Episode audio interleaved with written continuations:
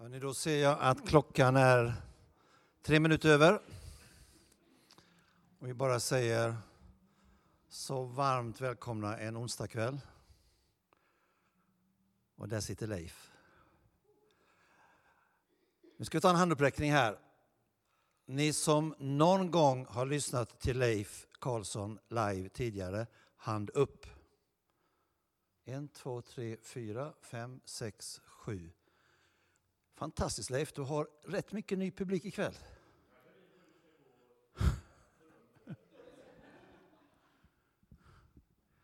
Väldigt roligt. Ehm, det är inte första gången Leif du är i Tibro, det vet vi. Du var i Missionskyrkan för, eller kyrkan för inte så länge sedan. Och eh, jag var inte där, men jag satt hemma vid tvn när du efter lunchen skulle hantera Daniel från kapitel 7. Det var makalöst bra. Hörrni, varmt välkomna. Och det här blir ju första tillfället tillsammans med Leif. Eh, nästa tillfälle, om ni noterar, så är vi framme i februari. Då är det den 28. Alltså näst sista dagen den månaden. Och sen går det fram till 17 april. Tre tillfällen. Eh, jag ska släppa fram Leif alldeles strax. Rent praktiskt så är det ju så att Anders och Torbjörn som är det är väl Pingstkyrkans bästa kockar just på onsdagskvällar i alla fall. De har ju kaffe färdigt och smörgåsar och Christer smakar bra va? Ja, det ser fint ut. Och vi kommer att köra när Leif tycker att nu tar vi en bensträckare, då kommer det finnas lite mer kaffe om ni vill gå ner och vända och ta en kopp till. Och så eh, kör Leif en andra halvlek också. Så hjärtligt välkomna och det är fantastiskt roligt att du är här Leif. Eh, eh, om det ska bli som i Gnosjö så är det här första gången. För i Gnosjö är du på väg och snart var den tolfte gången va? Och det har varit elva år i rad. Fantastiskt. Det är min gamla hemförsamling det. Det är ordning på de pojkarna och tjejerna där nere. Hörrni, bara en fråga här innan. Vem kan eh, ställa sig upp och säga att jag kan åtminstone en vers ifrån Jobs bok? Utan till ja. Någon vers utan till från Jobs bok. Underbart. Varsågod Leif, scenen är din.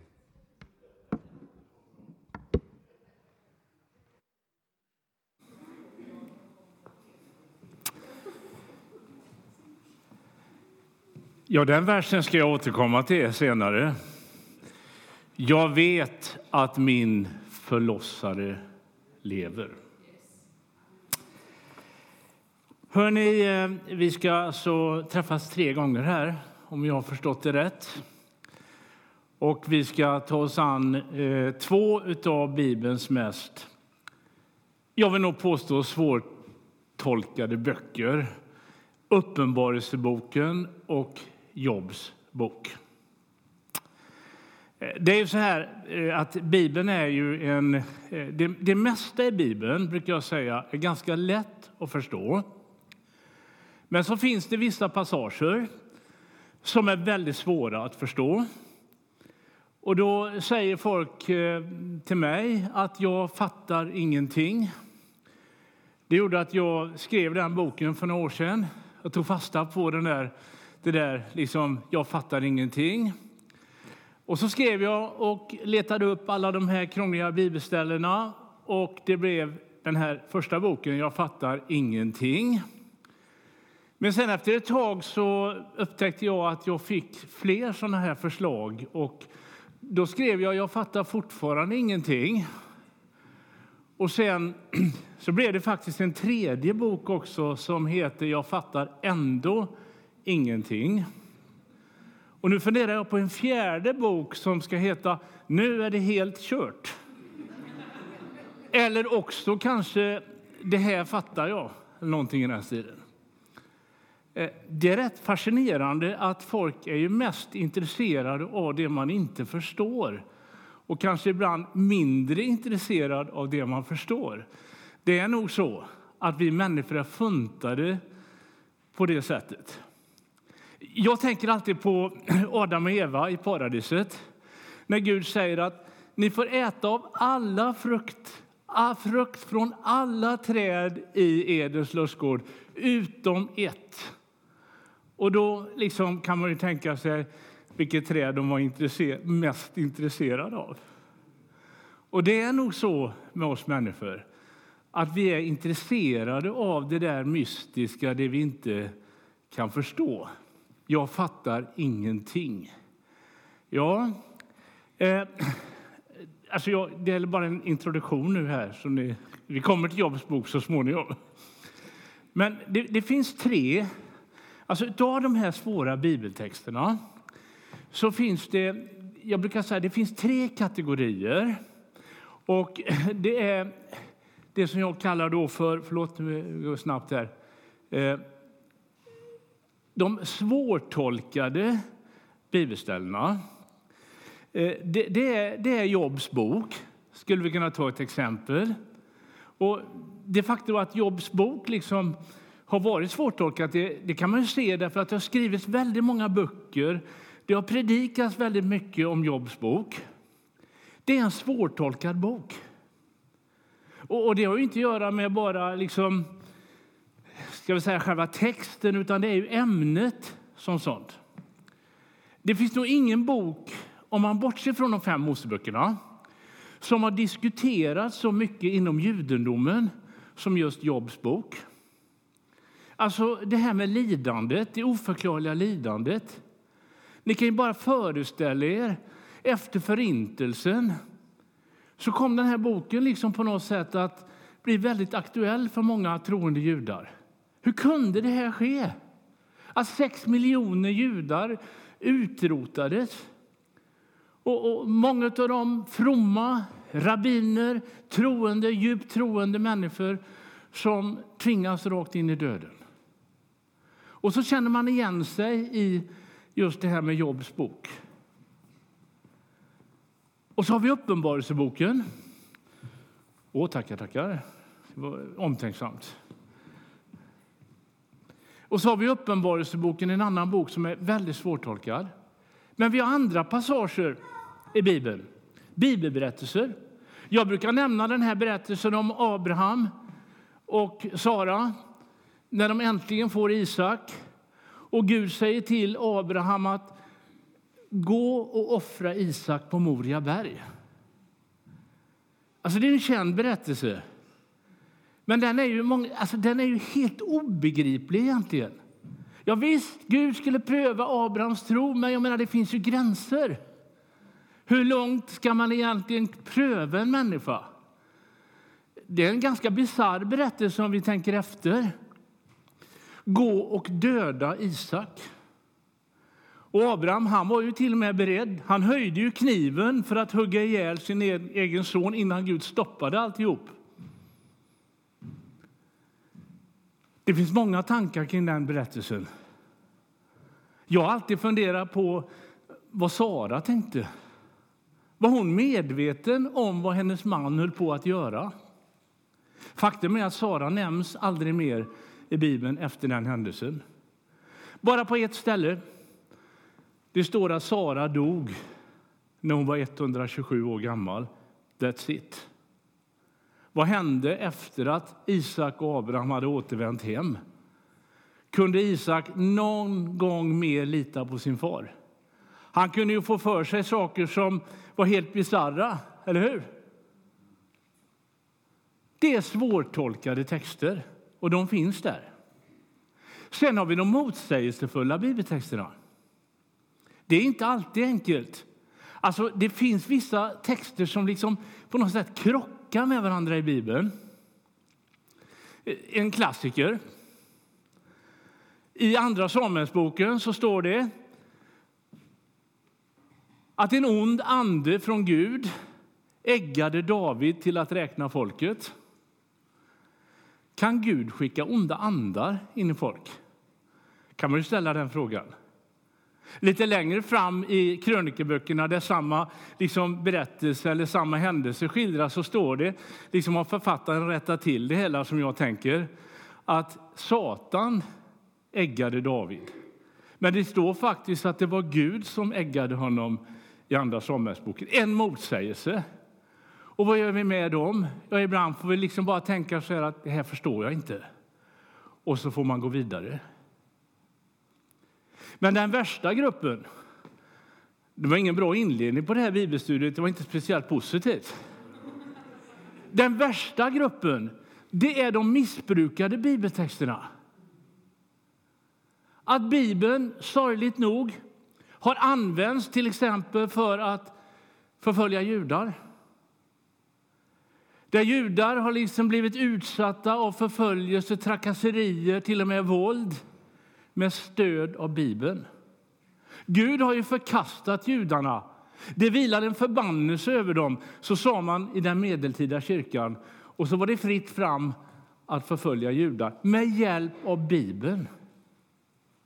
Och dessutom påstods det, vilket är rent formellt fel, att det var judarna som dödade Jesus. Det var det inte, det var romarna.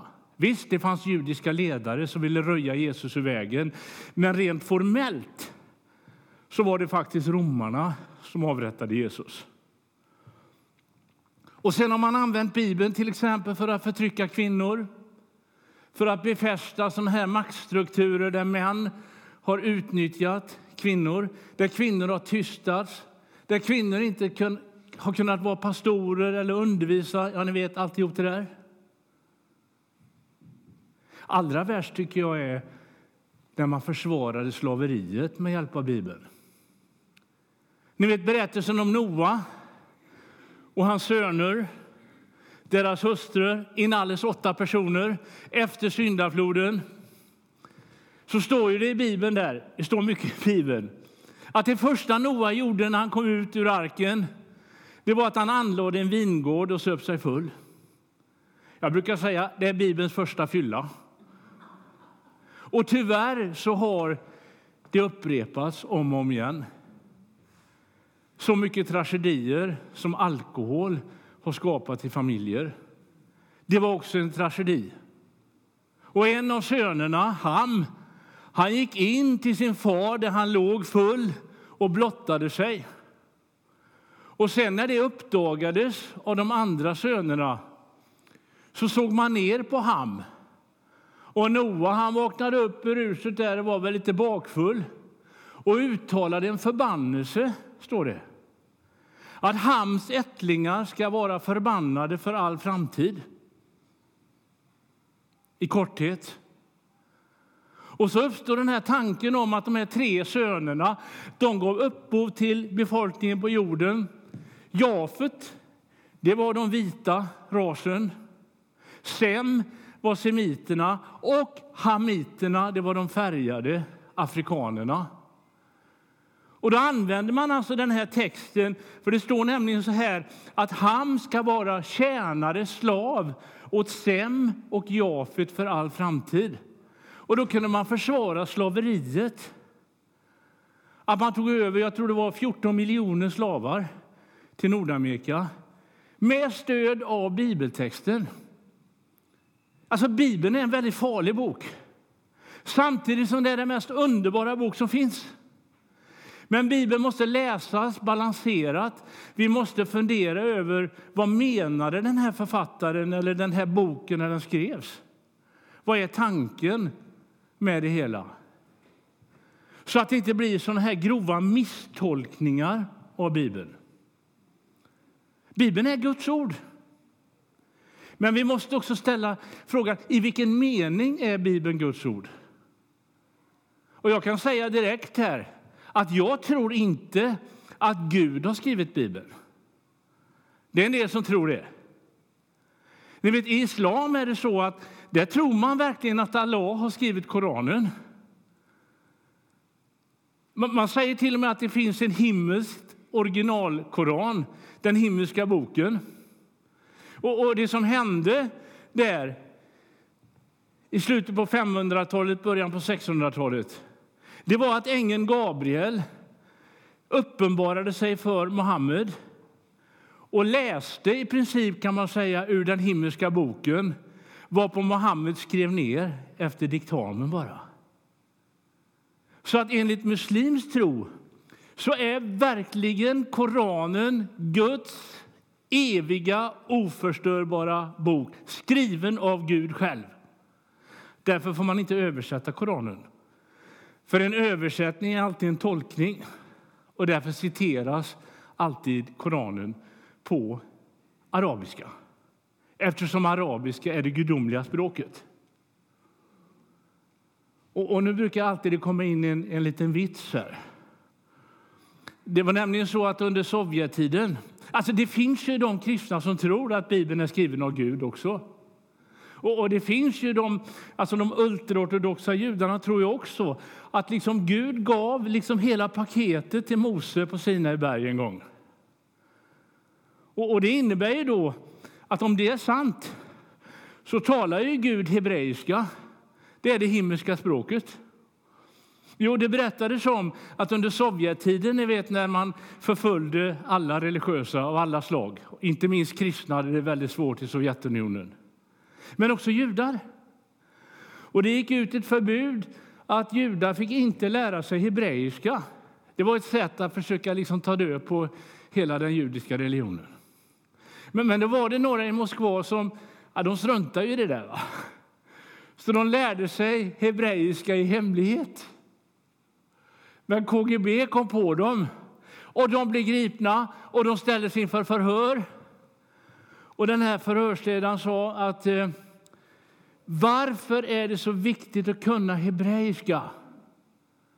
Och, och då svarade en av dem så här, jo, san, därför att Gud talar hebreiska.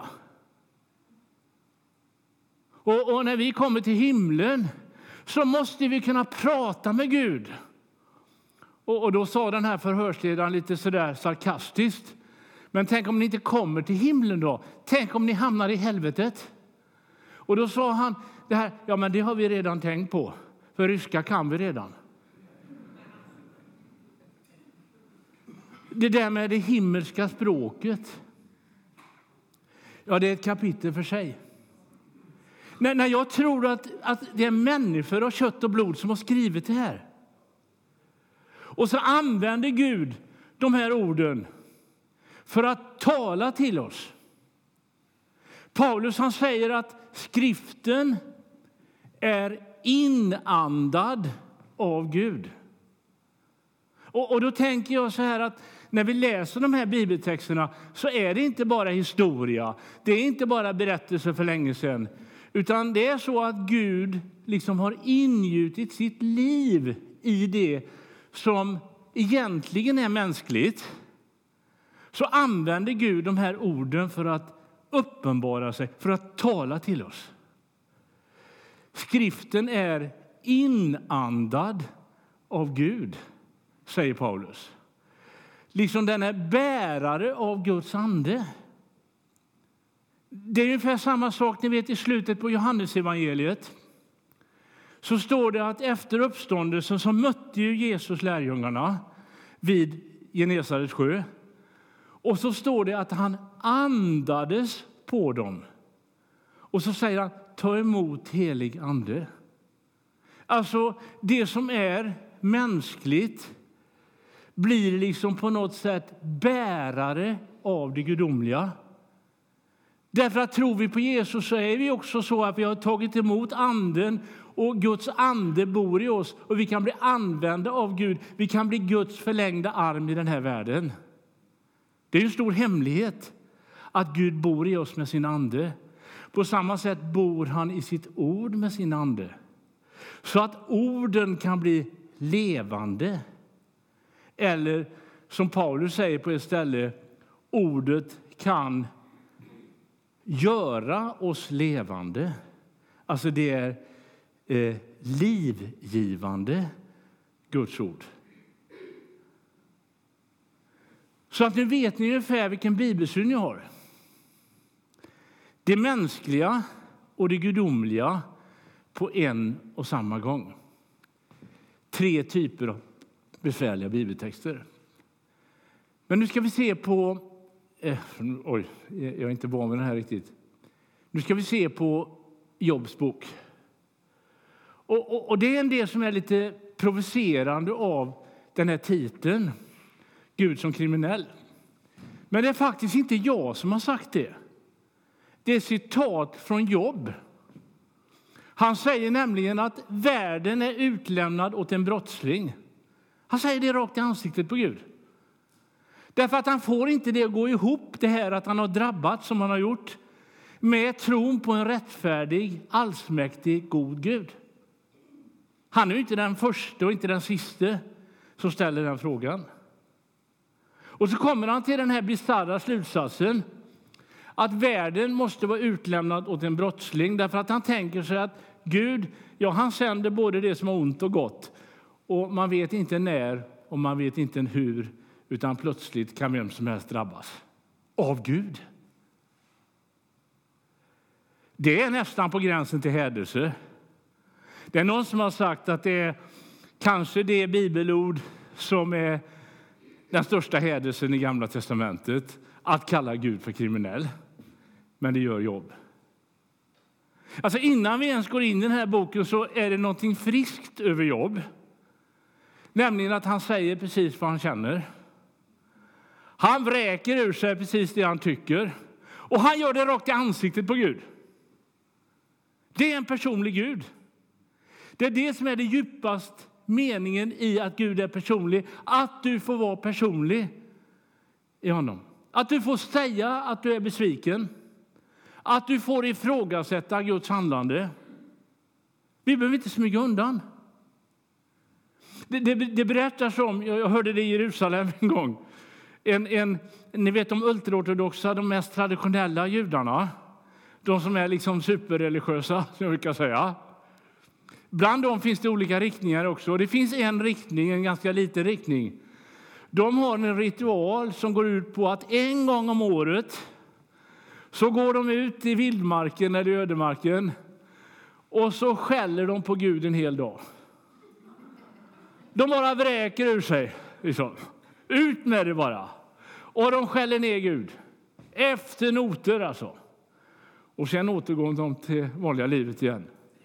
Men det ligger någonting sunt i det. Att vi behöver inte förställa oss inför Gud. Utan vi får faktiskt säga precis som det är.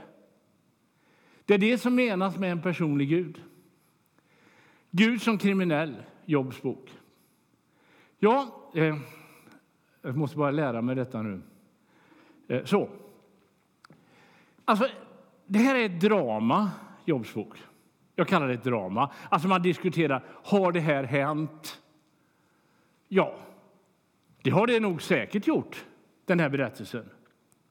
Det vi vet är att det finns faktiskt liknande såna här berättelser i andra kulturer än just det israelitiska eller gammaltestamentliga. Så att det är ett generellt problem som människan har brottats med överallt egentligen. Nämligen den här frågan. Om Gud är god och har all makt varför låter han då olyckor och svårigheter drabba dem som tror på honom? Alltså Det är ju en legitim fråga, eller hur? Som är inte lätt att svara på. Men det är det som är liksom poängen med Jobs bok. Och eh, det är det som är problemet. Eh, jag ska bara se här så att jag är rätt här. Eh, det är ett drama, som jag sa. Och det är verkligen upplagt som ett drama. det här.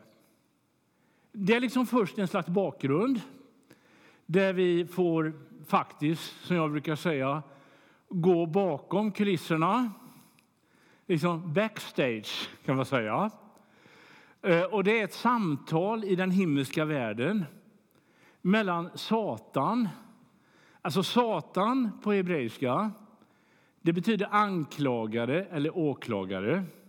Det är liksom en rättegångsscen.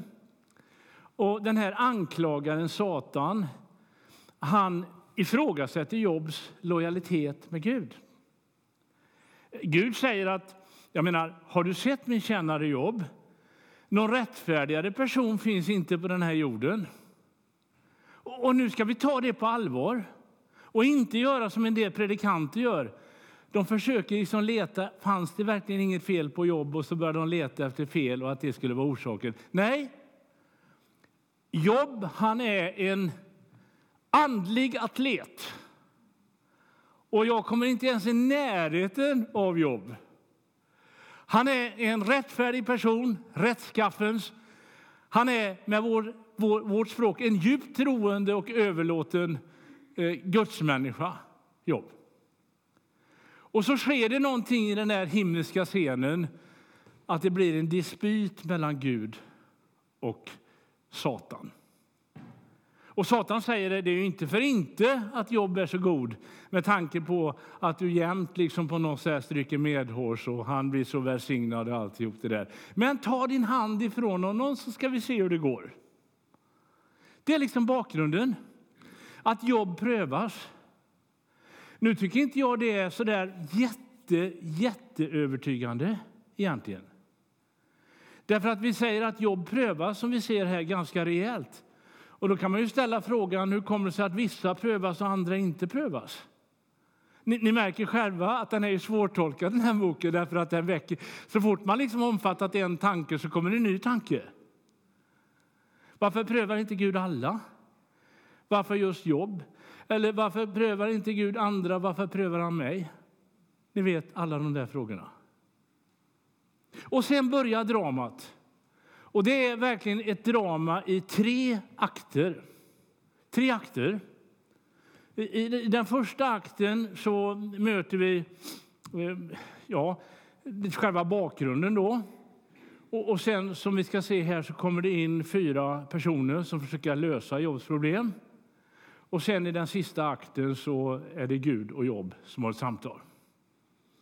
Det är faktiskt upplagt som en dramatisering.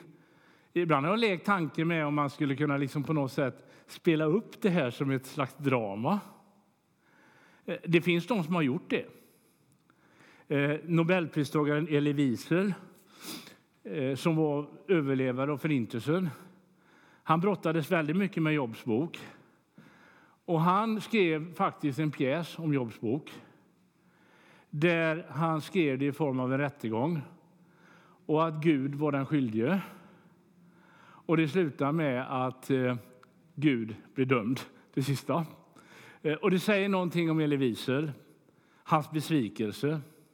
Han växte upp i Ungern, hamnade i Auschwitz i krigets slutskede. Och han hade tänkt att bli rabbin, han var djupt troende. Och när han kom till Auschwitz så säger han att jag lämnade Gud i Auschwitz. Han överlevde, men nätt och jämnt. Men som vi vet, de flesta överlevde inte.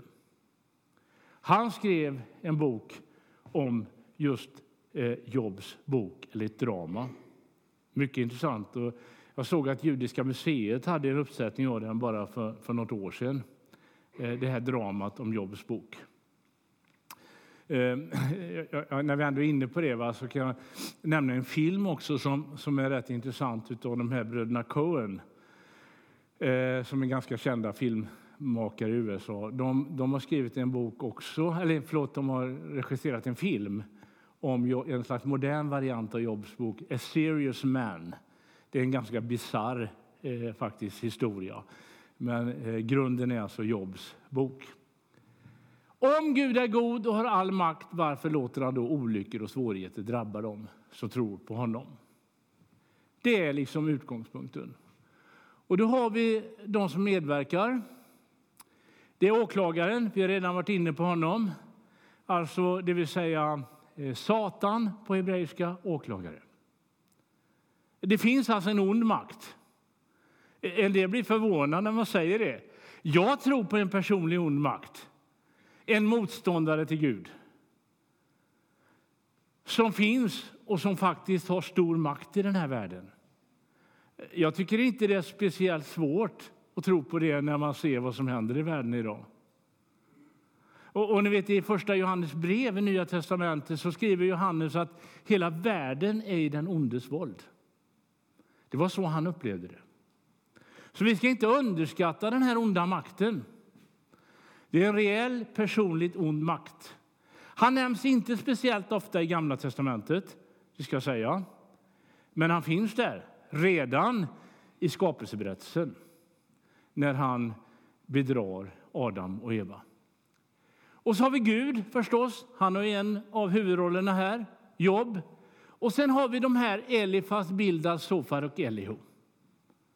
Jag brukar kalla dem för fyra pastorer. Eh, en del säger fyra själavårdare. De är ju fyra själavårdande pastorer.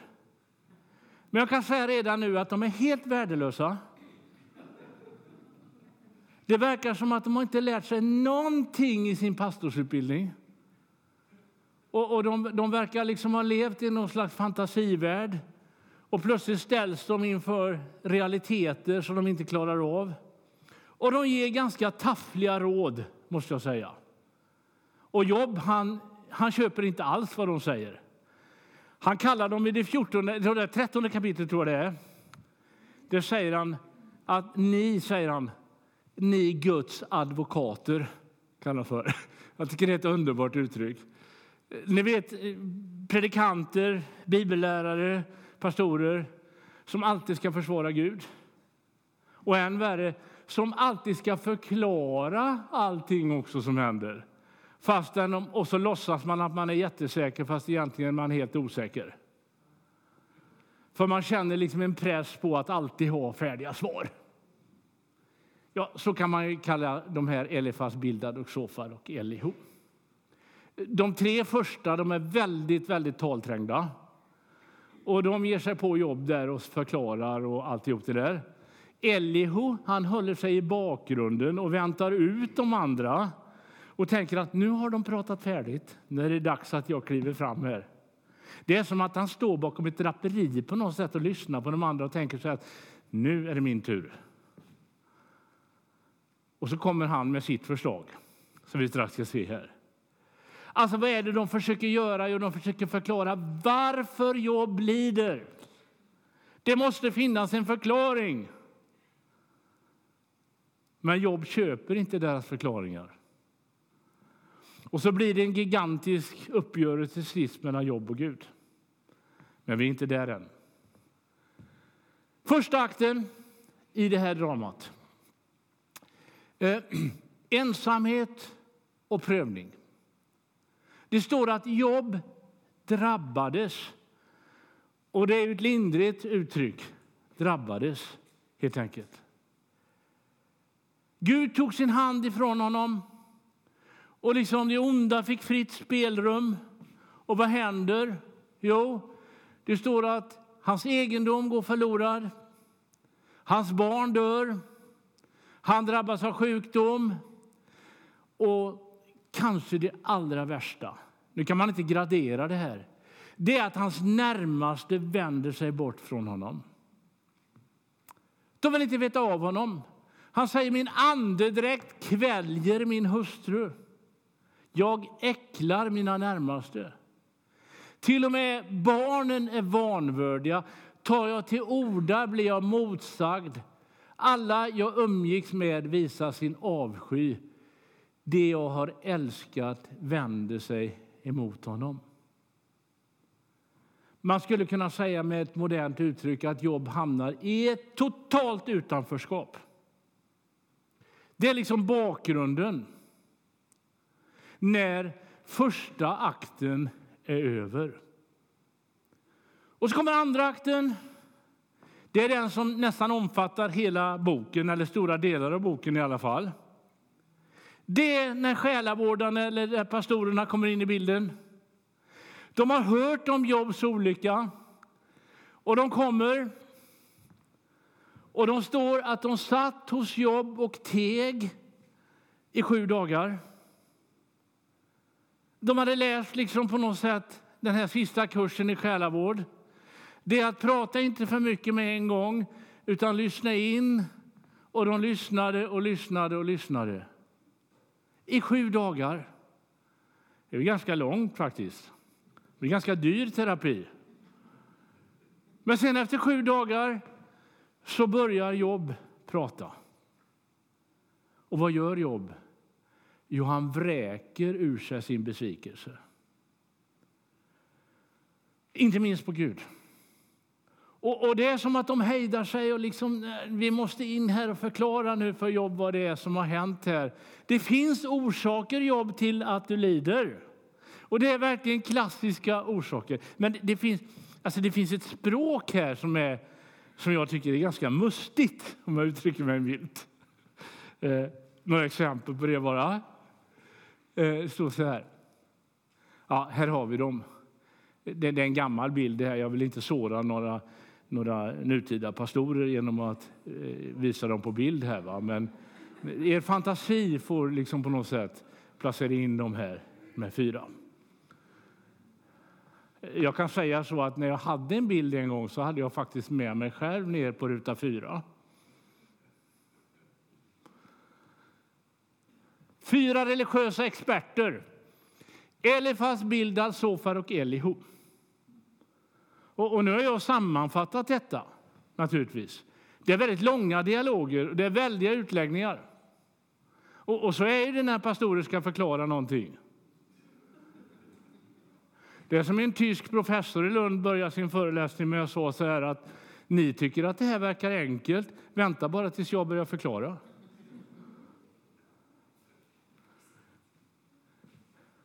Ja, visst, säger Jobb till dem i första reflektion efter att de har börjat prata.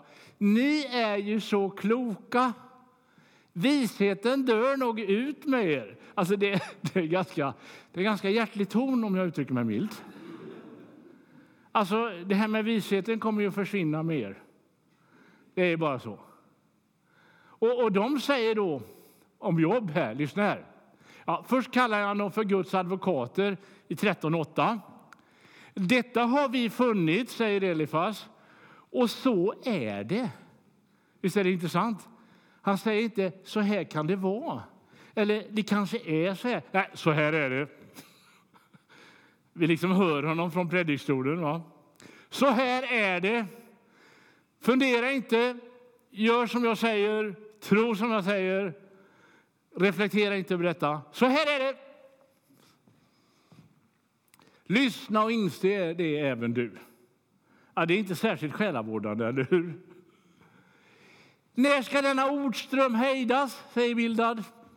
Sansa dig, sedan kan vi talas vid. Varför betraktar du oss som nöt? Tror du att vi är dumma?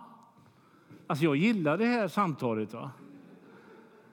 Det är liksom inte inlindande i en massa fromma fraser här, utan här är det rakt på. liksom. Och, och så säger Sofar så här att ska detta ordsvall inte besvaras?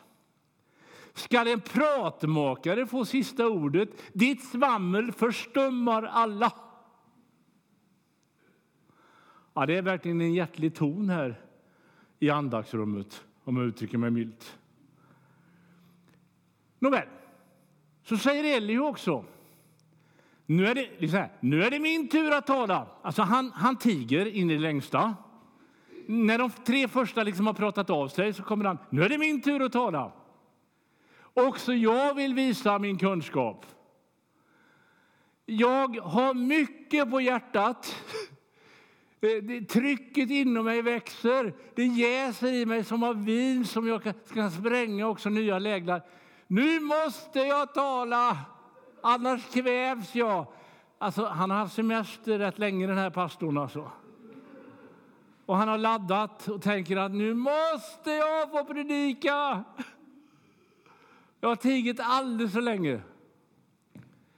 Med min vitt, vitt omfamnande kunskap ska jag visa att min skapare har rätt. Alltså det är ganska väldiga ord. Han påstår liksom på något sätt att han, han är liksom Guds förlängda arm. Att jag ska visa att min skapare har rätt. För det jag säger det är exakt vad skaparen säger. Ja, det finns ju den typen av förkunnare, ni vet. Där man inte får ifrågasätta. Utan det handlar bara om att lyssna och ta emot därför att det är Gud som talar nu. Punkt slut. Jobb då? Sådant har jag hört så det räcker. Eländiga tröstare är vad ni är. Har du slutat prata i vädret eller har du mer på hjärtat? Han är inte särskilt uppmuntrande om man säger så, Jobb. Men han är rak. Jag menar, han säger det som vi tänker ibland. Det var ett himla tjatande, tänker vi, men inte skulle vi säga det, utan vi säger det var ingen dum predikan. Eller också tiger vi kanske, i bästa fall. Ni vet den här, den här känslan som predikant, ja, ni som är predikanter vet ju hur det är, när det blir stumt också. Och man känner sig ganska misslyckad. Därför jag tror, och nu är jag seriös åt andra hållet, det är viktigt att få bekräftelse och uppmuntran. Det är inte det jag säger. Det är viktigt att uppmuntra och bekräfta och så vidare. Absolut. Men den där känslan, det tror jag bara en predikant eller någon som står och talar här kan förstå när det blir så här stumt. Då. Och man undrar liksom, vad tyckte de egentligen? Och man liksom nästan på något sätt ah, förväntar sig någon form av reaktion. Det är intressant det där. Men Jobb, han är ju rak. Han säger ju det som vi tänker ibland. Nu liksom. Sådant har jag hört så det räcker. Ja, han är inte särskilt uppmuntrande. Men vad är det de säger då? Jo, eh, vännernas uppfattning, de tre första, eh, Elifas, Sofar och Bildar. Man kan, säga så här, man kan sammanfatta deras uppfattning så här att Gud har all makt och är god. Det är deras utgångspunkt. Och, och, och det kan vi säga liksom amen och halleluja till, att Gud har all makt och är, är god. Nåväl. Den som lever efter hans vilja drabbas därför aldrig av något ont. Felet ligger alltid hos människan. Alltså, vi känner igen det här. Det här kommer att gå med jämna mellanrum. Vi har det i den här så kallade framgångsteologin. Ni vet. Om du bara gör allting rätt så kommer allting att gå som på räls i livet. Om du bara tror rätt så kommer du aldrig att drabbas av några sjukdomar, något elände eller någonting. Det är liksom en slags lagen om orsak och verkan. Det människan sår får hon också skörda. Alltså jag säger inget om det, det är en biblisk princip. Det står i femte Mosebok kapitel 28. Du kan läsa det när du kommer hem. Lagen om välsignelse och förbannelse.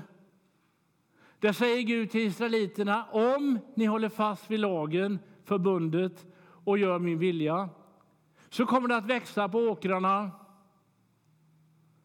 Kalvarna kommer att födas i rätt tid. Och ni kommer att bli bevarade från olyckor och fiender etc. etc. Om ni däremot inte följer min vilja, inte gör det jag har sagt, då kommer ni att drabbas av förbannelse. Lagen om välsignelse och förbannelse. Vi skulle kalla det idag för någon slags förenklad framgångsteologi. Och hade det bara stått det där femte Mosebok kapitel 28, då hade jag ju kunnat sagt så här att ja, men det stämmer. Men det som är poängen med Jobs bok är att det inte stämmer. För det står att han var rättfärdigare än någon, någon annan person på jorden. Och han levde efter Guds vilja, inte syndfri naturligtvis. Det är ingen människa. Och det säger Jobb senare också att det är inte så att jag påstår att jag är syndfri. Men jag ligger inte långt efter de som påstår sig vara mest helgade. Och det fanns ingenting egentligen och anmärka på jobb. Och ändå hade han drabbats. Det är det som är problemet. Och därför stämmer inte. Det stämmer inte. Man kan inte göra det till någon slags lagbundet skeende. Som Elifas säger, tänk efter. När gick en oskyldig under? Var gick en rättfärdig förlorad? Detta har jag sett. Det som plöjer ondska och sår ofärd, de får skörda det. Det är liksom ett budskap till jobb, eller hur? Tänk efter, jobb. Vad är det du har gjort?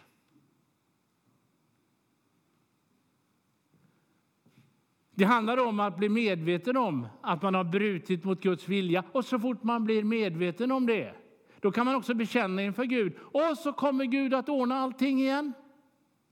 Det är väldigt förenklat. Vi känner igen detta. Jag är allergisk mot det. Och jag kan säga så här, jag har varit med ganska länge i leken. Och jag har varit på sådana där helande möten. Jag tror på gudomligt helande. Men jag tror inte vi kan styra Gud. Är det som den katolske patern Jean Paillard sa en gång? Det finns vissa predikanter, de talade om Gud som om de hade honom i fickan. Alltså det vill säga, ni vet de som tror sig liksom på något sätt kunna styra Gud. Där Gud liksom blir ett redskap nästan i deras händer. Jobs bok säger att det fungerar inte så. Det kan fungera så. Det är självklart så att om vi följer Guds vilja så kan vi bli välsignade. Det är inte det jag säger. Men det är när vi gör det till ett lagbundet skeende att det alltid är så. Ibland är det inte så. Ibland blir livet helt annorlunda. Trots att vi tror på Gud och räknar med honom i våra liv. Nej, säger Elifas, människan själv föder ofärd så vi som lågorna stiger mot höjden. Det är det här lagbundna skeendet. Va? Och så säger Bildad, detta drabbar syndarens hem. Så går det när man inte vill veta av Gud. Ja, jag skulle kunna göra många citat från de här tre pastorernas lösningsförslag som går ut på orsak och verkan. Be tillräckligt mycket, läs tillräckligt mycket Bibeln, undvik att synda, så kommer livet att gå som på räls för dig. Inga olyckor ska drabba dig. Men Jobb köper inte detta. Jobb han köper inte det här. Vad säger Jobb? Jo, ja, man kan säga så. Vad är lösningen först? Lösningen är det jag sa. Om du tar ditt förnuft till fånga och lyfter dina händer i bön till honom. Om du lägger bort allt som är syndigt och inte låter någon ondska bo hos dig. Då kan du fläckfri med högburet huvud stå stark utan fruktan. Du kan glömma ditt lidande, minnas det som bortrunnet vatten. Det är vad de säger. Men Jobb han köper inte det här. Han går inte på det här. Han tror inte vad de säger. Vad säger Jobb? Hur reagerar Jobb på detta? Jo, jag ska bara eh, bläddra mina papper här och be om ursäkt. Så jag inte säger något, något, något galet här. Vad säger Jobb här? Jo, han säger så här. Hur många är mina brott och synder? Vad ont har jag gjort? Låt mig veta mitt brott. Alltså, vi måste stanna till och tänka nu här. Säger Jobb att han är syndfri? Nej, gör han inte. Han är medveten om att alla människor syndar. Men det han inte får ihop det är att det som har drabbat honom skulle stå i proportion till det han har gjort. Är ni med? Och det stora problemet är att det finns folk som är betydligt ogudaktigare än jobb, som aldrig drabbas av lidande. Varför får de onda leva? De som verkligen är, ursäkta uttrycket, de som verkligen är jättesyndare. De som rent, man kan, rent, det är helt uppenbart vilket liv de lever. Alltså. De, de är verkligen grova syndare. Och ändå, säger han, med åldern blir de bara mäktigare. Deras barn lever trygga hos dem. De får se sina efterkommare växa upp. Deras tjurar betäcker lyckosamt och korna kalvar i rättan tid. Jag vet inte om det stämmer in på er som bor i Tibro här, men, men i alla fall, allting går som på räls.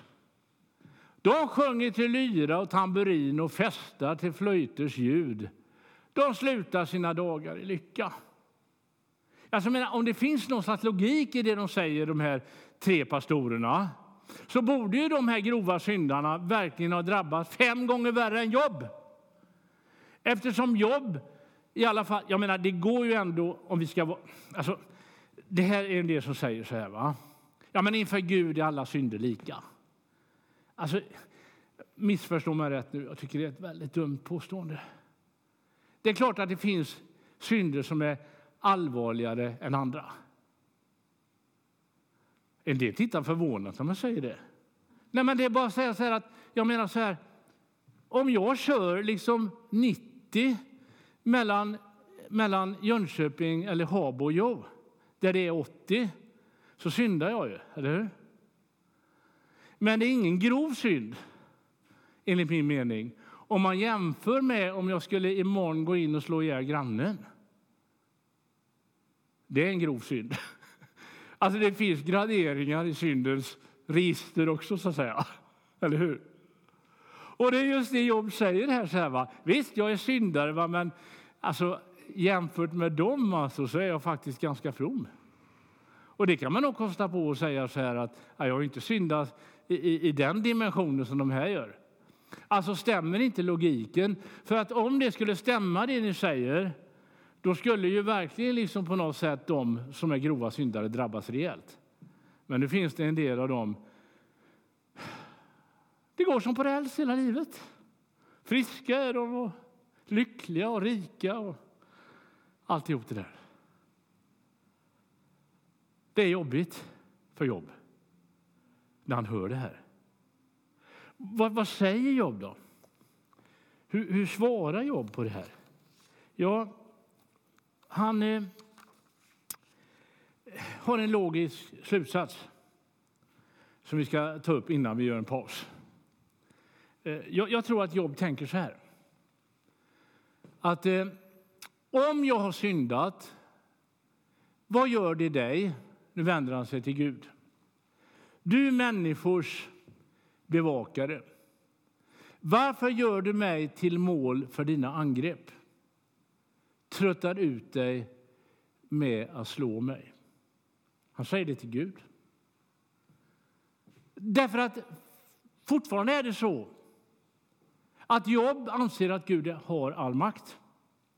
Men det han börjar tvivla på det är om Gud verkligen är god rakt igenom. Med tanke på det som han har drabbats av. Och då säger han helt enkelt att ja, den logiska slutsatsen blir Gud bär ansvaret för det onda som sker. Han har all makt och gör vad han vill. Ibland visar han upp goda sidor, ibland onda sidor. Man brukar säga att Job han har en monistisk gudsbild. Alltså det innebär då att både ont och gott kommer från Gud. Alltså nu, nu har Jobb detta i det här skedet. För jag vill påstå att han ändrar sig i slutet på boken. Men just nu så får han det hela liksom på något sätt, han får inte det att gå ihop annat än att om Gud är allsmäktig så måste han ansvara för allt som sker, både ont och gott. Alltså, han har all makt och gör vad han vill. Ibland visar han upp goda sidor, ibland onda. Och så säger han så här att mitt liv, alltså det är liksom på något sätt kulmen i hans slutsats. Mitt liv är meningslöst, säger han. Mitt liv är meningslöst. Jag vill inte leva mer. Allt gör detsamma, därför säger jag, lyssna här, oskyldig och skyldig. Han förgör dem båda. När olyckan plötsligt dödar hånler han åt de oskyldigas undergång. Världen är utlämnad åt en brottsling. Han gör dess domare blinda. Vem om inte han? Där har vi det där med Gud som kriminell. Alltså Gud som opolitlig. Alltså det är livsfarligt med en Gud som har all makt och kan göra vad han vill. Och uppenbart så är han ibland ond och ibland god och man kan aldrig veta riktigt säkert. Hur är han idag egentligen? Vilket humör är Gud på idag? Ja, det återstår att se. Vem som helst kan drabbas av hans allmakt. Gud är nyckfull. Det är Jobs slutsats. Och de tre första pastorerna ger upp. De lyckas inte få över jobb på sin sida. Och så, ja, vi kan säga så här att eh, det finns en fjärde röst också. Men, men jag funderar på om vi ska ta en paus nu. Det, det känns nästan så i luften. Faktiskt, innan vi lyssnar på den fjärde vännen här och sen framför allt vad Gud har att säga till sist. I liksom dramats upplösning. Ja, det, det, är alltid utmanande så här när man får ett slags eh, får ett ämne. Eh, och eh, Jobs bok var ett bra ämne, tycker jag. Alltså då har vi eh, de tre första Eh, lösning på det hela. Det är att felet måste ligga hos Jobb. Eh, det vill säga, hans lidande är en konsekvens av att han har syndat. Vi känner igen det. Men så har vi den där fjärde vännen. Han har ett annat svar som vi också känner igen. Och eh, han försöker trösta Jobb. Ja, det gör de alla ihop egentligen. Försöker ju trösta Jobb genom att komma med lösningen. Men han säger så här att Gud använder lidandet som ett pedagogiskt redskap. Alltså det är ett sätt att liksom behålla Guds godhet. Att om du drabbas av lidande så ska du tänka så här att det här är egentligen ett uttryck för att Gud är god mot mig. Han vill lära mig någonting. Eller helga mig eller göra mig mer liksom lik honom. Ja, ni vet, det har vi hört mycket av. Han säger så här att men de som blir slagna i bojor och fångas i eländets snara, de vill han visa vad de har gjort, hur de syndat i sin förhävelse. Han gör dem mottagliga för tuktan och manar dem att vända om från det onda. Alltså, lidandet kan vara liksom Guds väg att göra dig mer helgad och överlåten. Det där har jag hört i många predikningar. Inte så där grovt, men någonting däråt. Därför att Gud har sänt detta, ska du veta, för ditt eget bästa. Och vad ska man säga? Vad säger Jobb? Han säger ingenting. Han tiger bara. Och det gör han rätt i. För att komma dragandes med ett sånt budskap till en människa som befinner sig i ett lidande och i nöd, det är som att slå någon på käften. Att det här skulle vara något positivt. Nej, om jag upplever att någonting är totalt meningslöst och jag tycker att det har liksom inte någon funktion alls, utan det är bara eländes lidande, då måste jag få säga det rakt ut, eller hur? Han köper inte detta jobb. Men då är det så här, om vi ska vara ärliga nu. Det är lätt för mig att säga, som, jag, jag tycker liksom att mitt liv har liksom gått på räls hittills. Även om jag har lite ont i vänstra knät, som du märker. Men det är liksom en stilla susning, egentligen. Så är det ändå så att det här budskapet blir väldigt, väldigt konstigt. Men det kan ligga någonting i det. Det vill säga att om jag säger så här till en människa som lider att ja, du ska veta att det här är bra för dig. Då säger man ju inte så. Va? Det går inte att förmedla ett sådant budskap till en människa som befinner sig i svårigheter. Det blir som ett slag i ansiktet. Men däremot så finns ju människor som liksom i efterhand har kunnat reflektera och sagt att jag lärde mig någonting genom detta. Eller att det var någonting som liksom på något sätt berikade mitt liv trots allt i det till synes väldigt mörka. Men det får jag aldrig säga till någon. Det får bli liksom på något sätt ska vi säga, det måste ske i så fall i mötet, det personliga mötet mellan den människan och Gud. För det mesta lidandet ter sig nämligen fullständigt meningslöst. Och Kanske det är därför som Jobb liksom inte liksom går in och argumenterar med Elihu. Utan han liksom tiger bara. Men han kanske tänker desto mer. Så de här fyra pastorerna, hur välmenande de sen är och trots att det ligger någonting i det de säger så säger de egentligen det som egentligen inte går att köpa därför att det stämmer inte fullt ut. Det stämmer inte fullt ut.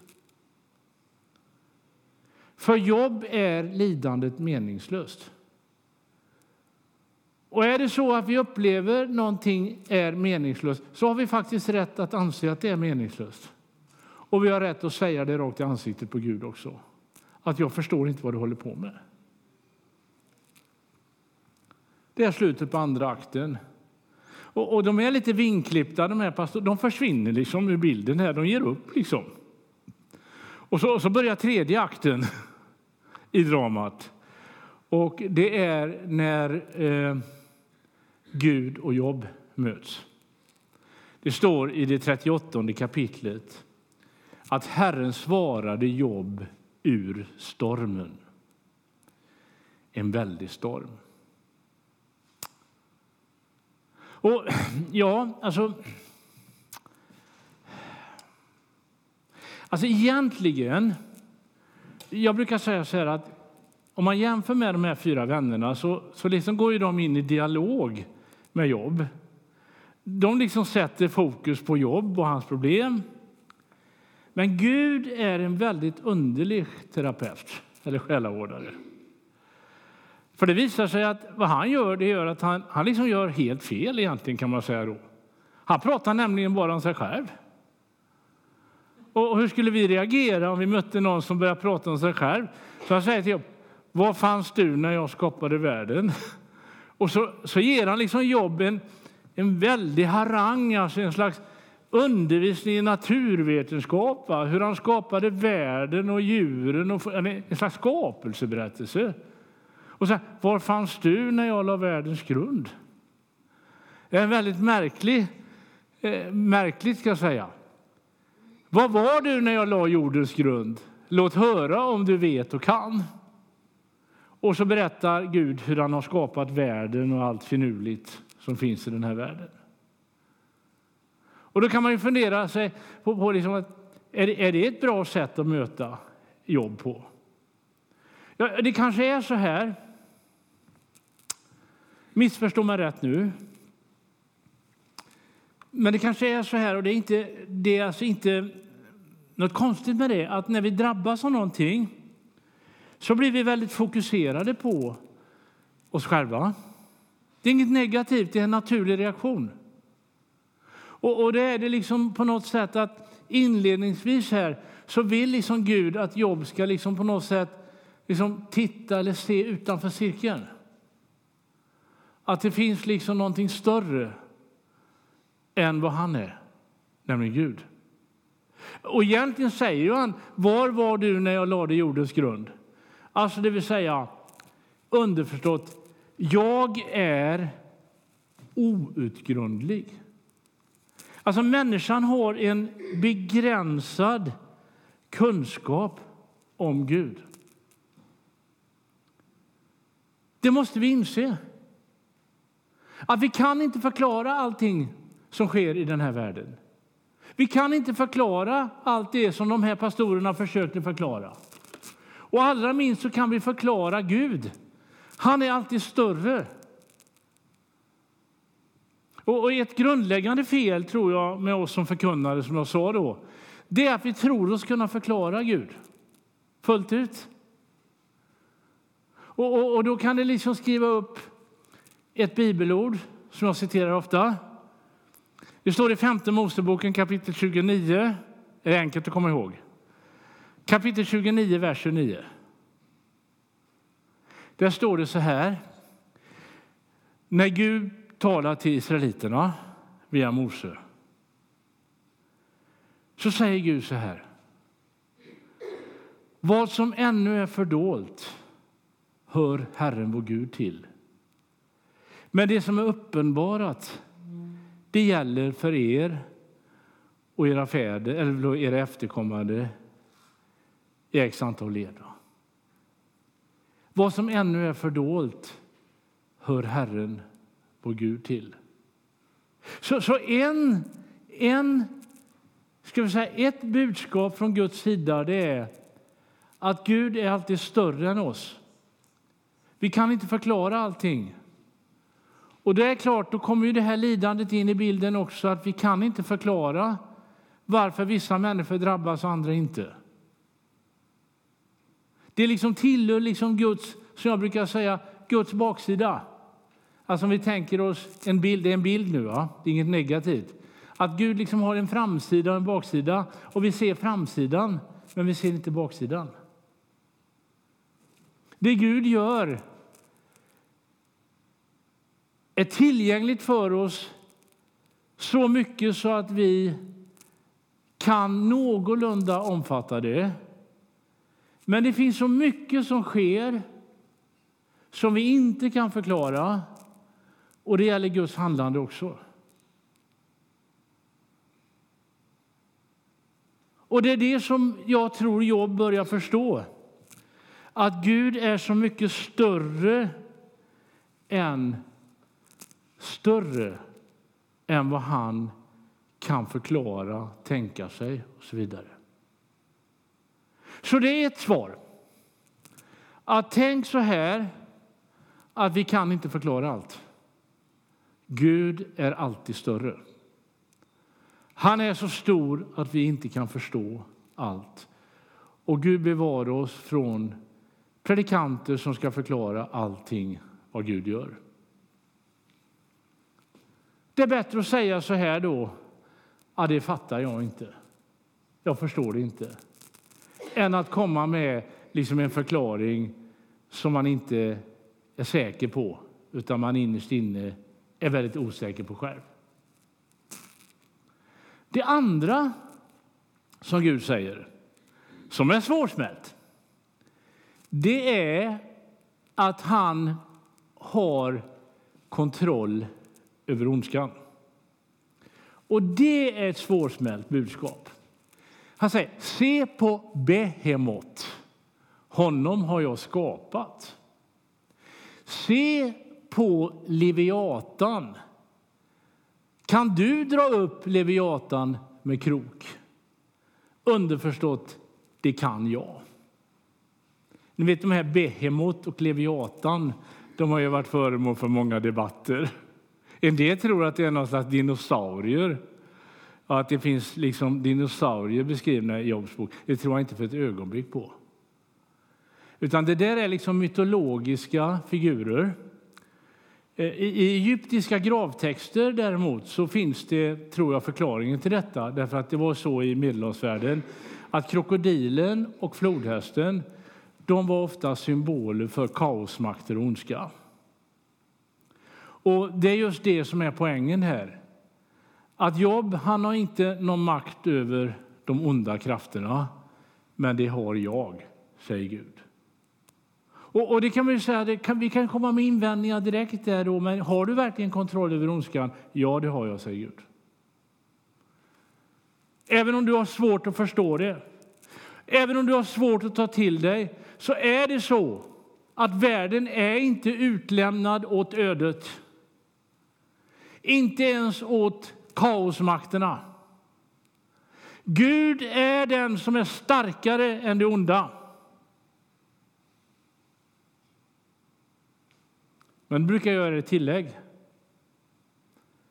Men inte än. Just nu befinner sig världen i kaos. Just nu ser det ut som att de mörka krafterna regerar. Alltså både liksom i form av krig och elände om vi ser ut över världen, men också det som kan drabba oss personligen. Det är inte konstigt att vi tappar fotfästet. Men det, vad Gud säger då det är att, att på något sätt så har han ändå någon slags styrka över det här onda, även om det inte ser ut så i nuet, vare sig i ditt liv eller det du ser runt omkring dig. Gud har skapat Leviatan och Behemot, de här kaosmakterna. Och det står på ett ställe där att han leder Behemot med i band, står det. Ungefär som man är ute och vallar hunden. Ni vet. Så har Gud mot alla odds och be mig inte förklara det så påstår Gud att han ändå har på något sätt kontroll över det onda som sker i ditt liv, i den värld som nu ser ut som ett kaos. Se på Behemot. Och det är nu som Jobb börjar inse att Gud är större än han kan förstå och att Gud har trots allt, trots allt makt över det onda. Och så säger han så här.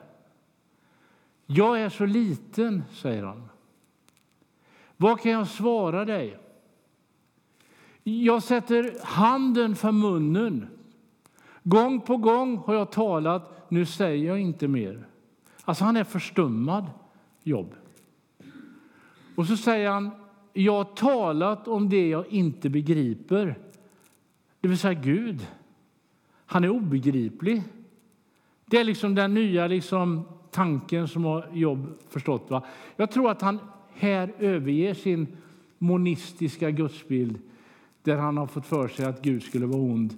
Men däremot så har han en gudsbild nu som innebär att jag kan inte förklara allt. Det måste få vara oförklarligt. Men någonstans där så finns Gud trots allt. Det som var för högt för mig, det jag inte vet något om. Och så säger han, jag vet att min befriare lever och till sist ska träda fram på jorden. Alltså, det är det jag sa alldeles nyss. Att i nuet, i nuet har inte Gud makt över världen. Det, det är en del som blir väldigt upprörda. Jag var på ett ställe och sa det i en kyrka och sen blev, jag, blev det ett extra styrelsemöte och så bestämde de för att aldrig kalla mig mer. För de, de, de, de började nämligen gudstjänsten med att sjunga Han håller hela världen i sin famn. Och så kom jag då och sa att hela världen är i den ondes våld. Och det hjälpte inte att det var ett bibelcitat, utan de tyckte att jag spred en farlig lära. Men om jag påstår att Gud har makten över världen idag, varför ser det ut som det gör i världen idag då? Det är mitt motdrag. Men jag tror ändå på Gud. Jag tror ändå att Gud är starkare än det onda. Jag tror ändå att Gud är starkare än döden. Men det handlar om ett hopp i framtiden. Jag vet att min befriare lever och till sist ska träda fram på jorden. Ni vet, enligt Gamla testamentet så ska ju Gud skapa nya himlar och ny jord. Och ibland står det om hur Gud en gång ska liksom skapa något helt nytt. Att det ska bli som Gud hade tänkt från början innan vi ställde till det. I judendomen pratar man om en ny världsordning. helt enkelt. Och är det någonting som behövs idag så är det en ny världsordning. Men den kan samtidigt inte, den kan inte komma förrän Gud griper in genom att han kommer in i den här världen och skapar något helt nytt. Jag vet att min befriare lever och en gång ska han träda fram på jorden. Jag vill se honom med egna ögon, inte som en främling jag förtärs av längtan. Ni ser att jag har skrivit Goel inom parentes. Det är ett väldigt märkligt ord, ska ni veta. Det har man översatt i Bibel 2000 med skyldeman. Skyldeman. Och vad är en skyldeman? Ja, då får vi gå till femte Moseboken. Och då gör vi en avstickare till femte Moseboken här. Eh, det 25 kapitlet. Lyssna här. Alltså en, en skyldeman, en goel, hade många olika funktioner. Och, och här är en. Det står så här. Om två bröder bor tillsammans och den ene dör utan att lämna någon son efter sig ska änkan inte gifta om sig med någon utanför släkten utan hennes svåger ska ligga med henne och han ska ta henne till hustru och göra sin svågerplikt, goel, gentemot henne. Den första son hon föder ska räknas som den döde broderns så att hans namn inte utplånas i Israel. Det var en funktion. Då. Alltså om man dör barnlös så ska, om det finns så att säga, en broder till den som avlidit, så ska han gifta sig med änkan och skaffa eh, avkomma åt sin döde bror för att släkten inte ska dö ut. Det låter väl romantiskt? Nu? Det är liksom praktiskt och sådär, släkten får inte dö ut. Han går in och blir en goel, någon som räddar släkten. Men det handlar inte bara om det. För om vi går till tredje Moseboken 25-25 så står det så här eh, att det, det, där med skyldeman det handlar om någonting mer. Det står så här att... Eh, eh, lyssna här. Så här då. Om din broder kommer på obestånd och måste sälja av sin egendom skall hans närmaste goel, skyldeman, lösa in det sålda. Alltså, om någon saknar skyldeman men själv får råd att lösa in det, alltså, eh, det sålda så ska han ombesörja det själv och så vidare. Alltså här handlar det också om inte bara att skaffa avkomma utan det handlar också om att upprätta det som släkten eller familjen har liksom förlorat i form av egendom och mark och så vidare. Man kan säga att en skyldeman, uppgiften är att på något sätt ställa allt till rätta som har gått snett. Och det är intressant att det handlar inte bara om avkomma då, utan det handlar också om i det här fallet mark och egendomar och så vidare. Han är den som ska fixa till det, om jag uttrycker mig lite vårdslöst, i slutet. Och Gud är vår skyldeman. Han ska rätta till allt i slutet. Vi ska få tillbaka det som har gått förlorat. Och när det gäller livet och livets fortsättning så handlar det om att vi ska leva i evighet.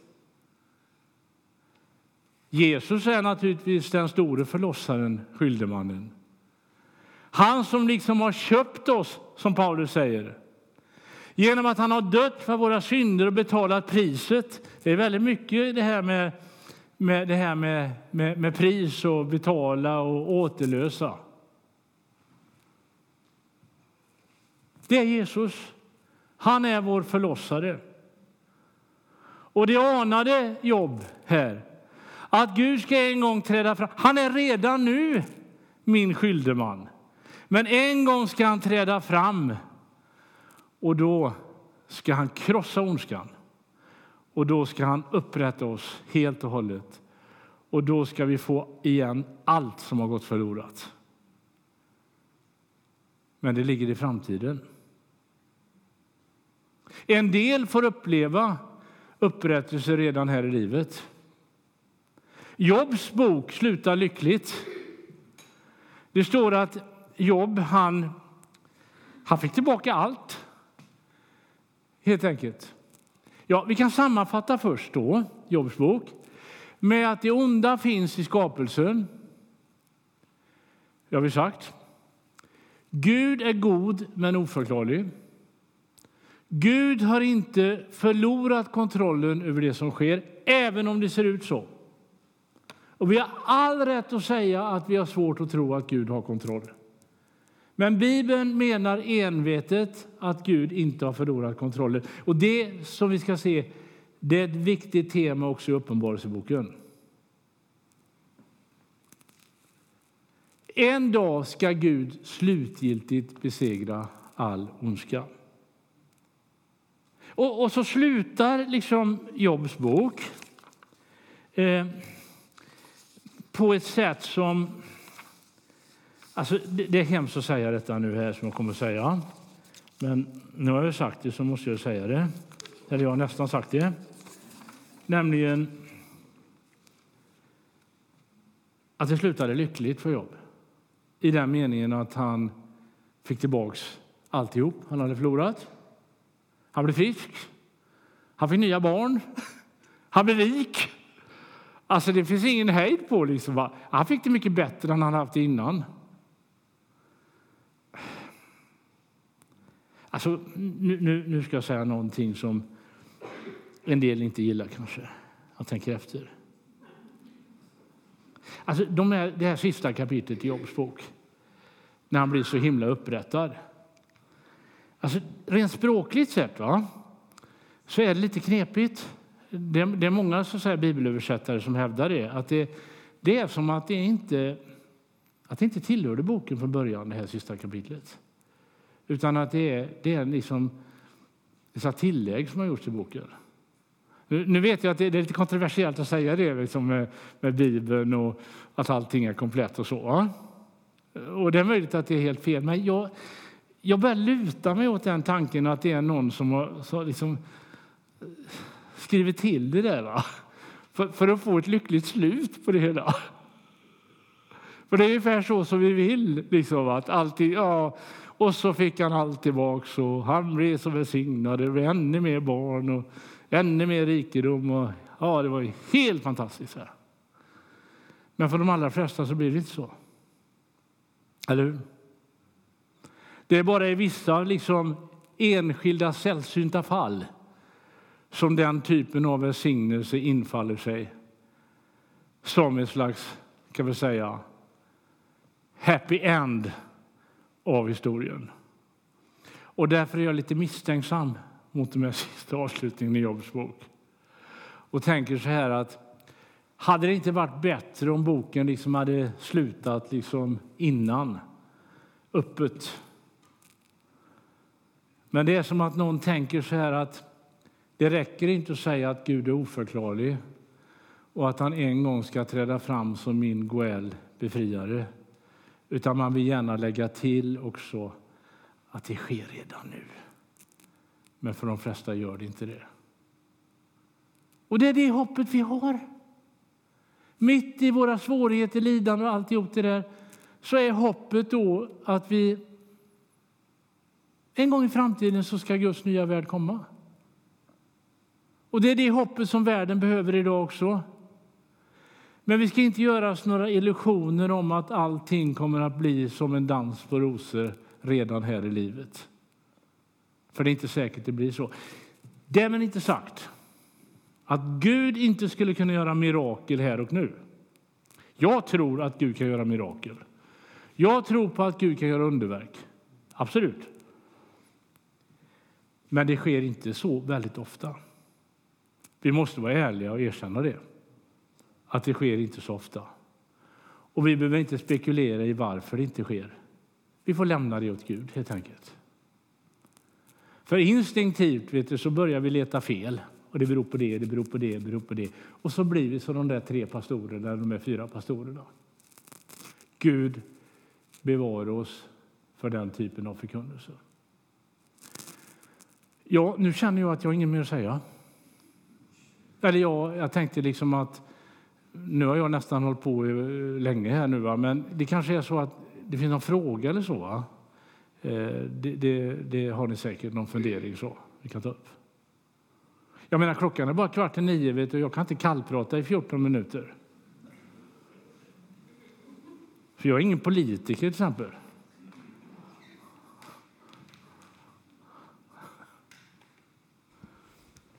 Han gör sig redo här nu med micken här nu. Absolut.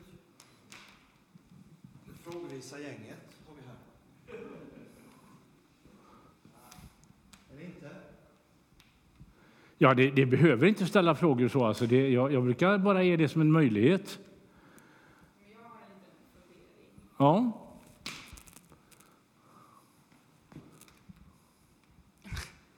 Men alltså, vad gör du? Ja. Eh, nu drar ju du den dock ifrån mig. Ja. Eh, vad heter det? Eh, vi skojar med varandra, förlåt. Ja, mm. eh, alltså, du pratade ju på om att, om jag förstod dig rätt nu, att alltså, Gud inte har makt på jorden. Mm. Eh, jag bara tänker så här, kan du utveckla det lite grann? Jag tänker att Gud är allsmäktig. Och, du... alltså jag tänker att Gud är allsmäktig. Och då tänker väl jag att han har makt på jorden. Mm. Det, är en jättebra fråga. Det är en svår fråga. Det, är- det är så här då att om jag säger till exempel till en person så här, jag tror på en Gud som är god och har all makt, så får jag enorma protester. Det, det är bara att titta ut över världen som den ser ut. Va? Hur, hur kan du påstå då att Gud har all makt och dessutom är god?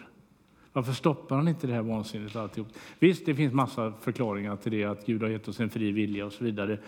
Och, och det har jag inga problem med. Jag tror att vi har en fri vilja. Men den här fria viljan drabbar ju väldigt många människor som är helt oskyldiga. Så att det blir ett väldigt problem. Men om man säger så här, va? Det står ju så att Gud är allsmäktig. Det är riktigt. Men kan man inte tänka sig så här, va? Att när Jesus dog och uppstod så säger Paulus då att han har besegrat alla makter, alla andemakter och allt som finns i himlarymden och alltihop det där. Va? Och han krossade den onde. Men det innebär inte att den onde inte finns. Va? Och det innebär inte att den onde fortfarande, liksom, och de här makterna kan ha ett visst så att säga, utrymme. Ett stort utrymme. Men de är besegrade. I den meningen har Gud all makt. Alltså, Jesu död och uppståndelse var den avgörande segern som gör att vi vet hur det kommer att sluta. Eh, jag, vet, jag brukar ta den här bilden, och en del tycker inte om det heller. Va? Eh, det är, vi tar andra världskriget. Va? När de allierade gick över Engelska kanalen, dagen D så visste ju alla då att om man bryter igenom tyskarnas linje om man lyckas liksom på något sätt bryta den här barriären som de har byggt upp då har man vunnit kriget. Fast kriget var inte slut. Det fanns en sträcka mellan Normandie och Berlin också. Men alla visste hur det skulle sluta därför att det avgörande slaget hade stått. Så tänker jag mig, alla bilder haltar, men så tänker jag mig Jesu död, ståndelse, hans seger över det onda. Det gör att vi vet slutet. Och det är det som är det kristna hoppet. Va? I en värld där vi drabbas personligen, men också där vi ser ondskan eh, härbärgera på ett sätt som är ofattbart idag. Tänk att vi tror på en som till sist ska träda fram, som Jobb säger. Så tänker jag. Det, det, är en, det är en väldigt svår fråga det här. Va? Och, och man måste nog förklara den. var bra att ställa frågan. Man måste förklara vad man menar. Va? För att annars kan det lätt bli så här att han tror inte att Gud är allsmäktig. Det, det gör jag, fast eh, det måste förklaras. Tänker jag. Men tro inte som jag nu. Alltså, det kan vara jättefarligt. Alltså. Även om jag är ganska övertygad om att jag har rätt alltid. Så där, va? Och dessutom är jag rätt ödmjuk också. Eh, jag tänker för någon som lider då, eh, så kanske förklaringen att Gud är för stor för att förstå, han, han är mysterisk Mm. också, och att försöka finna tröst i mysteriet, det är ju många som gör det. Eh, Att finna tröst i mysteriet, det är många Ja, som ja, gör. ja. Men vad, eh, kanske att du redan nämnt det, men vart i texten skulle du ändå säga att, att det framgår att Gud är god? Är det liksom i allsmäktigheten eller i att han ändå förklarar sig som skaparen av... Ja, jag vet inte om du förstår vad jag menar, men Ja, ja, nej, jag förstår. att- Alltså, hur, en vi, slutsats är att Gud är god. Men hur visar. Gud att han är god? Ja. Det du säger. Något, hur, hur kan man ändå trösta med att Gud är god, Ja, även om han är oförklarlig? Så att inte det känns platt. ja jag förstår. Eh, Jag skulle säga så här. En del säger att skapelsen visar att Gud är god. Men det är jag väldigt tveksam till. Jag menar, skapelsen är ju på gott och ont. Va? Ibland säger vi så här när vi, när vi så här förstummas över skapelsen, något, något vackert i naturen. Alltså, så här, ah, det var som paradiset, säger vi. Det är nästan så att vi tänker oss tillbaka hur det var en gång. Så där, va? Men samtidigt så har vi vulkanutbrott och vi har tsunami och vi har ju stormar. Och, ja, även om vi är kanske orsaker till det ibland också, men det finns ju mycket som inte är orsaker Så naturen, eller naturargumentet då som många använder för Guds godhet eh, kan vara lite tveksamt då. Va? Nej, jag skulle vilja säga så här, att för mig är Jesus beviset på att Gud är god. Alltså jag tycker hela den kristna tron står och faller med Jesus. Hans liv, hans sätt att möta människor, hans död, eh, alltihop det här. Va? Det är det som är liksom på något sätt det stora beviset på Guds godhet. Att han sände sin egen son för att dö för oss, för att vi skulle få liv. Och i, det, det i dramat så har Jobb fått en försmak av det. Ja, då, då tänker sätt. jag så här att ja. Jobb han liksom trodde på Jesus som skulle komma. Jag tror på Jesus som har kommit. Och egentligen är det ingen större skillnad. Egentligen. Han trodde på den kommande förlossaren, Goel, och jag tror att han har kommit. Så tänker jag. Alltså Jesus är, och det tror jag alla håller med om, han är skillnaden. Han är den stora skillnaden.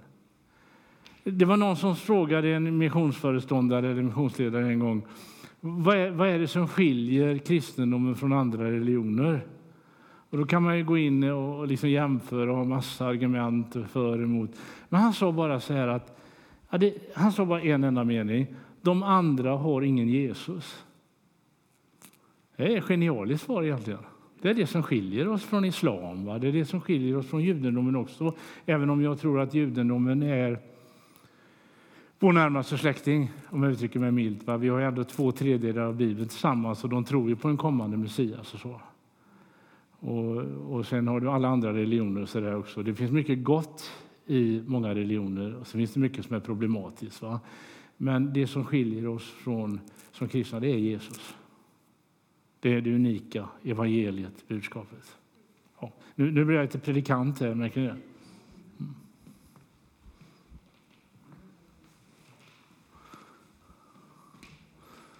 Det är kanske bara ett tecken på min okunskap, men här Leviatan och Behemot, ja. Just precis. Är det ord som hör ihop med krokodil? Och, ja, man eller? tror det. En del tror det. Jag tror det också.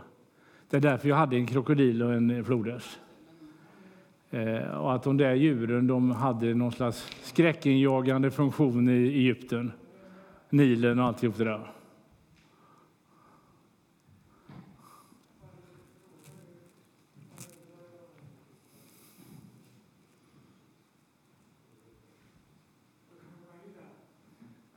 fråga just det här med sjukdomar och prövningar och sånt. Va? Mm. Att det står ju i Hebreerbrevet och och att man, om, om Herrens tuktan mm. och fostran ja. och aga.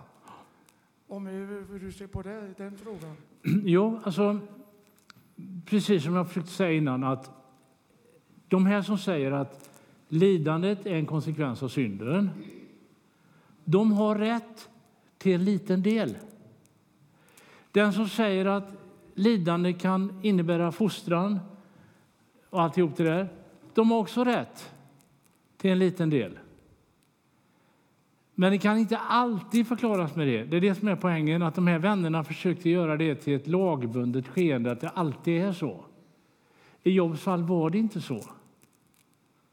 Ingenting tyder egentligen på att Jobb behövde prövas på det sättet han gjorde. Eh, och det här inledande kapitlet det är ju lite problematiskt där, att Gud utlämnar Jobb till prövning. Men det är lite för mycket egentligen. Och, och det här att alltid sjukdom och lidande skulle vara ett resultat av ett syndigt liv, det håller inte heller. Men det kan hålla ibland kanske. Att om jag lever ett slarvigt liv, om jag uttrycker mig milt, då, så kan det ha negativa konsekvenser. Så att det ligger någonting i det de säger, men de, de, säger, de gör det till ett lagbundet att det alltid är så. Va? Det är det som är felet. Ibland har vi inget svar. Och vi har svårt för att acceptera det. Men det är ett viktigt budskap också.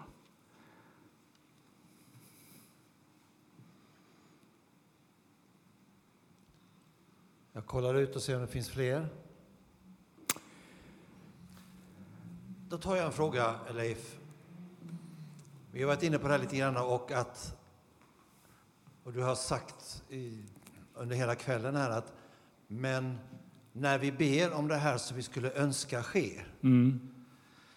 Det kan vara sjukdom. Ja. Du vet ju här att vi, oavsett om vi kommer från Ekumenia eller från vår egen kyrka, Mm. så jag vågar påstå det som den här församlingen mest ber för nu. Och när vi säger ett namn så säger vi Maria. Mm. För vi vet att hon kämpar med sin cancer. Ja.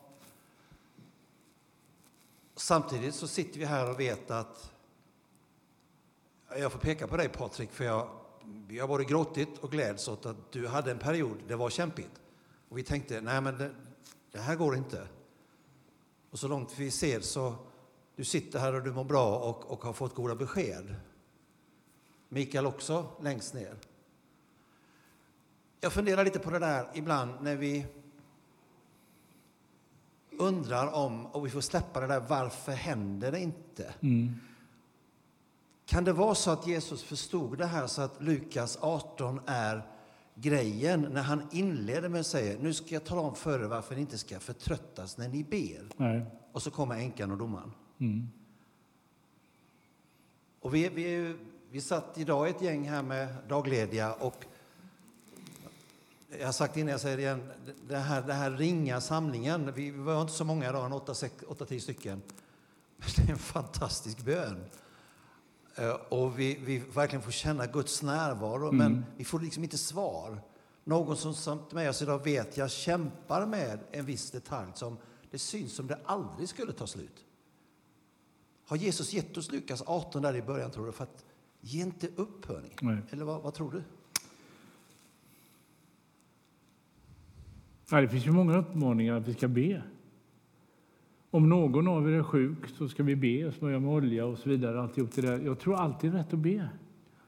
Och eh, självklart, alltså jag, jag menar ju att vi tror på en Gud som kan göra mirakel. Och därför ska vi be.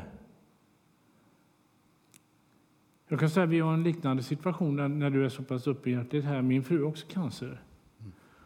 Och vi har bett mycket och ber ständigt så. Det, det är det som Gud uppmanar oss att göra. Be och be. Och sen om det sker någonting, alltså det kan vi inte. Vi kan ju inte föreskriva vad Gud ska göra och inte göra.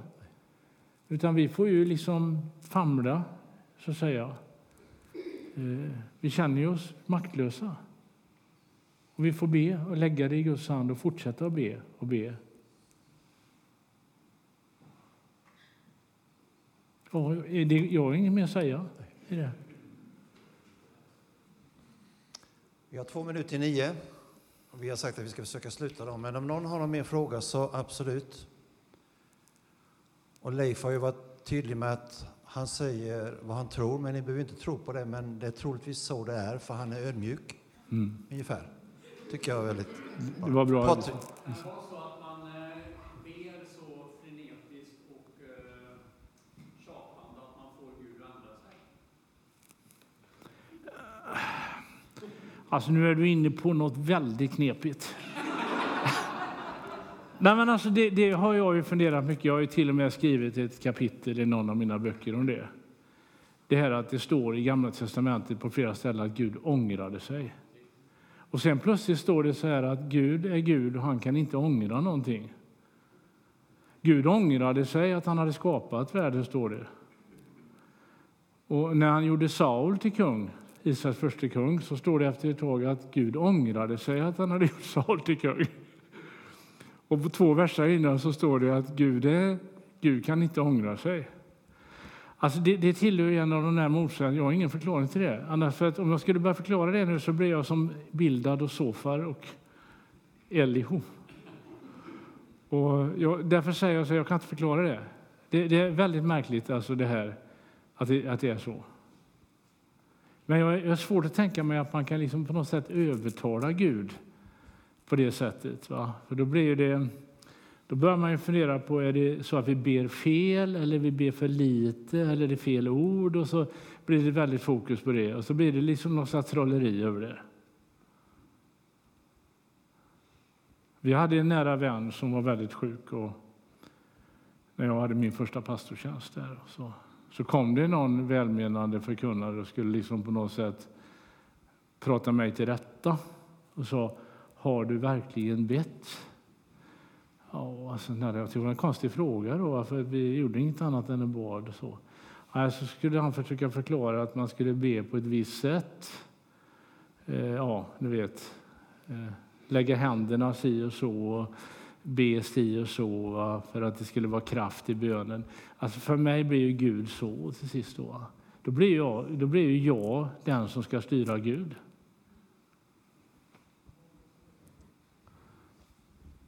Det känner jag mig inte bekväm med. Vi tar den sista här nu, det är Dosse. Räcker den till? Nej, jag tänker på, du sa det här eh, med eh, att sista kapitlet är lite kanske Ja, ja, ja. tillagt där och det finns ju fler kapitel i Bibeln som är omtvistade, som är till och med våra favoritkapitel, en del av dem. Det finns Ja. sådana.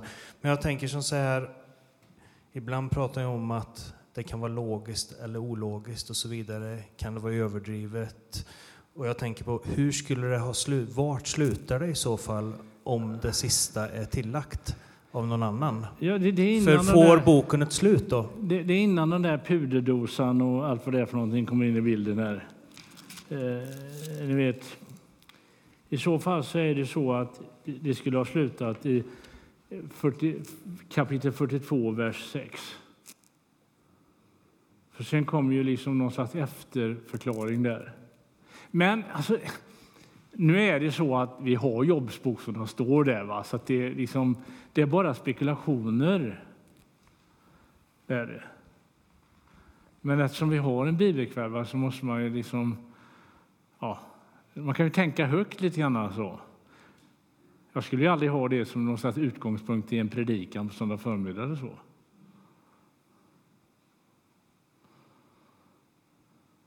Jag tänker att det skulle i så fall slutat med sjätte versen, för då är det ett öppet slut. Va? Men nu står den här texten här och den tillhör Jobs bok och då läser vi den också. Han blev upprättad. Halleluja, höll jag på att säga.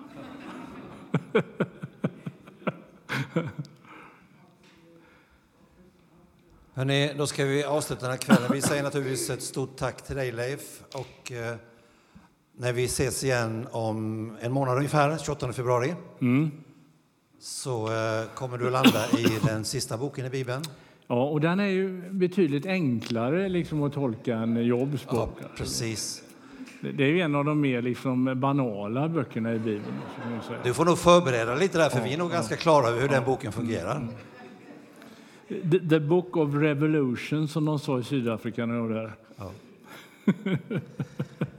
Men vi ska göra så här, jag ska be våra två kära pastorer, Caroline och, och eh, Hanna här. Eh, om du ödmjukar dig och kliver ner ett steg, Leif, hit ner. Eller ni kan kliva upp, ja. Ni kan ödmjuka er och kliva upp. Så kan Ja, ni göra. kan kliva upp, tycker jag. På Och, samma eh, nivå som jag. Ni ska få micken här och ni ska få välsigna vår kära Leif. Jag tycker vi kan stå upp allihop. Och, eh, jag vet ju heller inte om det finns något bibelord som säger att bönen är kraftigare när vi sträcker händerna mot någonting. Men Mm. jag skulle föreslå att vi gör det ändå. Och vi vill sträcka händerna mot dig Leif Mm. och mot Anita. Och eh, vad ni än går igenom. Nu lämnade du ut då att även där hemma finns det en cellgiftsbehandling som pågår. Mm. Jesus. Och jag är på väg att säga att det är ett djävulens otyg, Ja. cancer.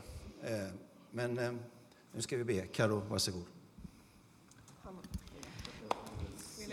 Mm. Jesus, jag bara tackar dig för Leif och för det som han har fått dela här idag. Det som du har lagt på hans hjärta, Herre.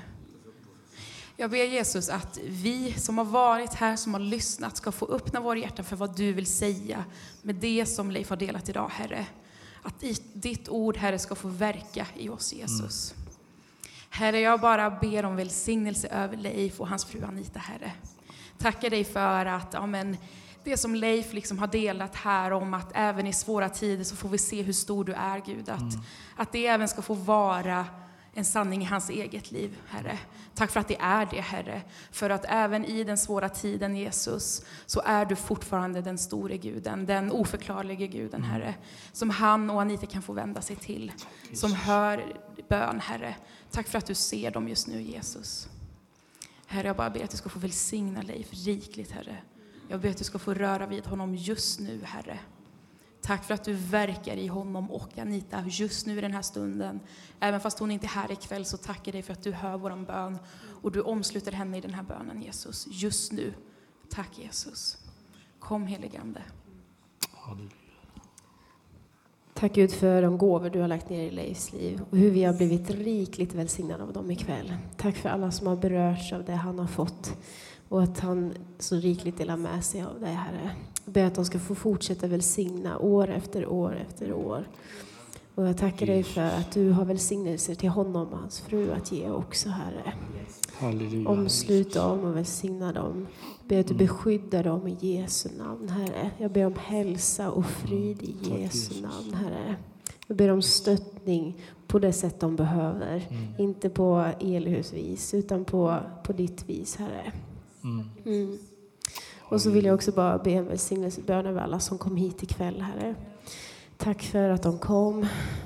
Du känner dem innan och utan, Herre. Du vet vilka frågor vi bär på, vilka frågetecken vi behöver få eller vilka utropstecken vi behöver få. Välsigna och bevara oss alla. Tack för att du är en Gud som älskar oss oavsett om vi känner eller inte. Men jag ber att det skulle få vara verkligt att du är den här nådefulla guden, en förlossare som lever och som kommer. Jesus. Mm. Amen. Halleluja. Amen. Tack. Tack ska du ha. Tack vänner, det känns eh, välsignat